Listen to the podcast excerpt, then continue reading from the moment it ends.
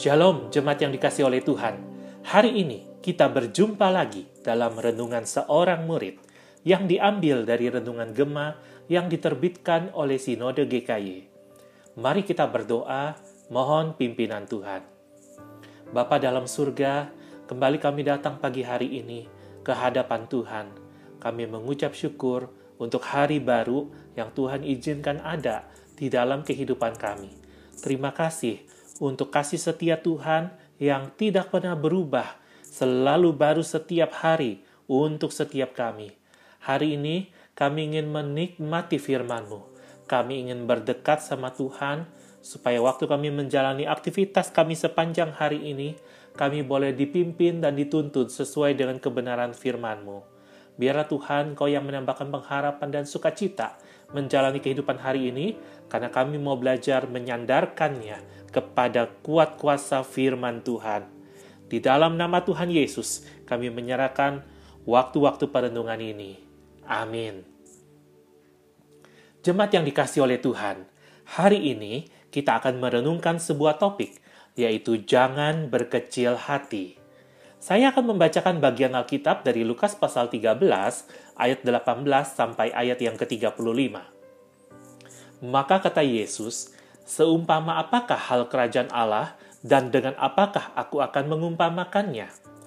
Ia seumpama biji sesawi yang diambil dan ditaburkan orang di kebunnya. Biji itu tumbuh dan menjadi pohon dan burung-burung di udara bersarang pada cabang-cabangnya. Dan ia berkata lagi, dengan apakah aku akan mengumpamakan kerajaan Allah? Ia seumpama ragi yang diambil seorang perempuan – dan diadukan ke dalam tepung terigu tiga sukat sampai kamir seluruhnya. Kemudian Yesus berjalan keliling dari kota ke kota dan dari desa ke desa sambil mengajar dan meneruskan perjalanannya ke Yerusalem.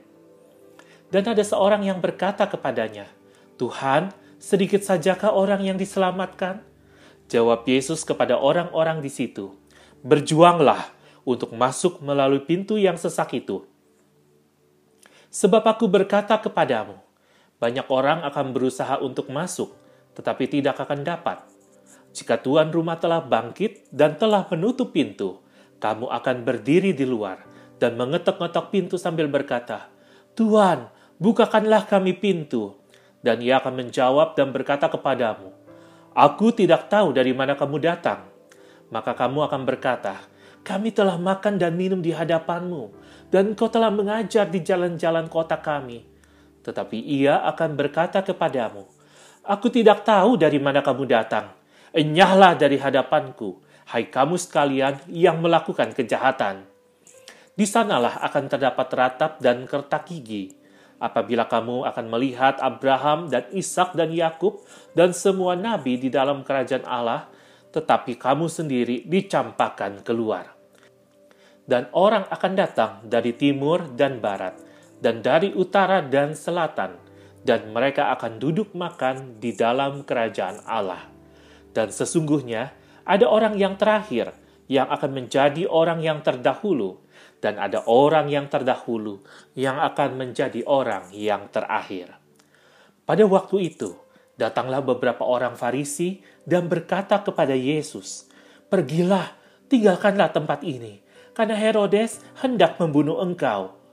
Jawab Yesus kepada mereka, Pergilah dan katakanlah kepada si serigala itu, Aku mengusir setan dan menyembuhkan orang pada hari ini dan besok, dan pada hari yang ketiga aku akan selesai. Tetapi hari ini dan besok dan lusa aku harus meneruskan perjalananku, sebab tidaklah semestinya seorang nabi dibunuh kalau tidak di Yerusalem.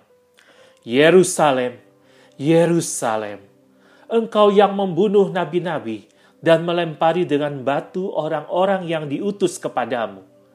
Berkali-kali aku rindu mengumpulkan anak-anakmu, sama seperti induk ayam mengumpulkan anak-anaknya di bawah sayapnya, tetapi kamu tidak mau. Sesungguhnya rumahmu ini akan ditinggalkan dan menjadi sunyi. Tetapi aku berkata kepadamu, kamu tidak akan melihat aku lagi hingga pada saat kamu berkata, Diberkatilah dia yang datang dalam nama Tuhan. Jemaat yang dikasihi Tuhan, apakah Anda pernah merasa kecewa karena merasa bahwa pelayanan atau pekerjaan yang Anda lakukan tidak berdampak besar atau tidak menunjukkan hasil seperti yang diharapkan? Mungkin Anda ada di sebuah pos pelayanan di daerah yang orang-orangnya mungkin bersikap menolak pelayanan Anda. Atau mungkin Anda melayani anak-anak kecil yang nampaknya tidak bisa memahami apa yang kita ajarkan. Dan itu mungkin membuat kita kecewa dan kehilangan semangat. Tuhan Yesus mengajarkan perumpamaan tentang biji sesawi dan tentang ragi kepada murid-muridnya untuk menjelaskan bahwa kerajaan Allah itu mula-mula mungkin terlihat kecil dan tidak berarti. Namun, berita Injil yang kita taburkan itu bisa berkembang menjadi besar.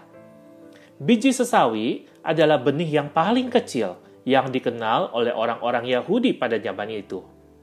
Namun benih yang sangat kecil ini yang panjangnya hanya 1 mm saja, dapat bertumbuh menjadi pohon yang tingginya sampai 3 meter, sehingga dapat menampung burung-burung yang hinggap dan tinggal di pohon itu. Hal ini menunjukkan bahwa pohon sawi itu telah memiliki cabang-cabang yang lebar dan rimbun. Sungguh, pertumbuhan biji sesawi menjadi sebuah pohon itu amat drastis. Pengaruh ragi juga luar biasa Ragi yang sedikit, bila dicampurkan ke dalam adonan roti, dapat membuat adonan roti itu mengembang sampai menjadi beberapa kali lipat ukuran semula. Kedua perumpamaan dalam bagian Alkitab yang kita baca tadi menunjukkan bahwa walaupun kerajaan Allah itu semula terlihat amat kecil, kerajaan Allah itu akan berkembang menjadi besar. Kata besar di sini tidak harus selalu berarti menjadi banyak, namun dapat pula berarti berpengaruh atau menjadi berkat atau memberi manfaat yang dirasakan oleh masyarakat di sekitarnya. Bila pohon sesawi dapat menjadi penunjang hidup bagi burung-burung dan ragi dapat membuat rasa roti menjadi lebih nikmat, kerajaan Allah dapat menjadi besar secara jumlah serta dapat berdampak besar bagi banyak orang. Oleh sebab itu, kedua perumpamaan yang kita baca hari ini mengingatkan kita agar yang pertama, jangan kita berkecil hati atau jangan kita menjadi kecewa bila pelayanan untuk membangun kerajaan Allah yang kita kerjakan saat ini belum menjadi sebesar yang kita harapkan. Semua pelayanan selalu dimulai dari kecil, bukan? Demikian juga dengan usaha pekerjaan yang sedang kau rintis. Mungkin belum bertumbuh seperti yang kita harapkan. Jangan berkecil hati, jangan kecewa. Ingatlah selalu bahwa engkau melakukannya seperti untuk Tuhan dan bukan untuk manusia. Walaupun mungkin dalam pelayananmu, dalam pekerjaanmu, engkau ditolak, engkau diabaikan, engkau tidak diinginkan, jangan kecil hati, jangan kecewa, sebab Tuhan yang memanggilmu untuk melayani, sebab Tuhan yang memberikan tanggung jawab kepadamu untuk bekerja, adalah Tuhan yang akan terus menyertai perjalananmu. Yang kedua, terus kerjakan dan lakukan dengan tekun dan rajin. Ini bukan soal masalah posisi atau jabatan. Oh, kalau saya posisinya bagus, jabatan saya tinggi, baru saya tekun, baru saya rajin melakukannya, baru saya bersemangat untuk memberi dampak. Tidak, ini bukan soal masalah posisi atau jabatan, tapi bicara tentang sikap hati dan tindakan. Bila kita tekun mengerjakan pelayanan ataupun pekerjaan yang telah Tuhan percayakan kepada kita, maka Tuhan Sang pemilik kehidupan akan membuat pelayanan ataupun pekerjaan kita menjadi besar pada waktu yang ia tetapkan. Bukankah sering kali Tuhan mengizinkan terjadi masalah ataupun terjadinya pergumulan untuk membentuk kehidupan kita, supaya lewat pelayanan ataupun pekerjaan kita, kita bisa mengalami kuasa Tuhan secara nyata, sehingga semua keberhasilan menjadi sebuah kesadaran akan anugerah Tuhan yang bekerja di dalam kehidupan kita. Jangan pernah menyerah. Ayo, tetap ikuti prosesnya. Ketekunan dan kerajinanmu di dalam Tuhan tidaklah pernah sia-sia. Semua akan indah pada waktu Tuhan. Oleh sebab itu, jemaat yang dikasih oleh Tuhan, belajar dari apa yang kita renungkan bersama hari ini, ayo kita terus melakukan dengan sungguh-sungguh apa yang menjadi tugas tanggung jawab kita di hadapan Tuhan. Wujudkan kesaksian iman kita. Jangan kecil hati, jangan kecewa, sekalipun mungkin kita menghadapi penolakan. Ataupun mungkin sekalipun kita harus mengalami penganiayaan. Sebab baik seperti ragi, baik seperti benih biji sesawi, semua dimulai dari hal yang kecil, dari hal yang sederhana. Tapi pada waktunya, itu berdampak luar biasa. Apakah kehidupanmu sudah berdampak bagi kehidupan sesama? Apakah kehidupanmu memberikan pengaruh sehingga orang tahu bahwa engkau bukan hanya seorang yang percaya kepada Tuhan, tapi mempercayakan hidupmu setiap hari dan kau menunjukkannya lewat tindakan nyata sehingga orang-orang memuliakan Tuhan lewat kehidupan kita. Ayo, jangan berkecil hati dan terus setia melakukan apa yang Tuhan minta. Mari kita berdoa. Bapa dalam surga, kami berdoa bersyukur bahwa Engkau mengingatkan kami lagi, sama seperti ragi, sama seperti benih biji sesawi. Semuanya mungkin nampak sederhana, nampaknya kecil, tidak berpengaruh apa-apa. Tapi kalau bersedia ditanam pada tempat yang tepat seperti yang Tuhan inginkan, maka itu akan berdampak besar, maka itu memberikan pengaruh yang luar biasa pada waktunya. Kami juga ingin menjadi orang Kristen yang seperti itu ya Tuhan kami ingin jadi orang Kristen yang tidak berkecil hati ataupun menjadi kecewa ketika menghadapi halangan ataupun ketika apa yang kami lakukan nampaknya tidak berdampak apa-apa. Kami ingin terus melakukannya dengan rajin dan setia. Karena dari ketaatan dan kesetiaan itu, kami boleh menyaksikan apa yang Tuhan kerjakan, sehingga kami boleh menyaksikan kemuliaan-Mu dinyatakan.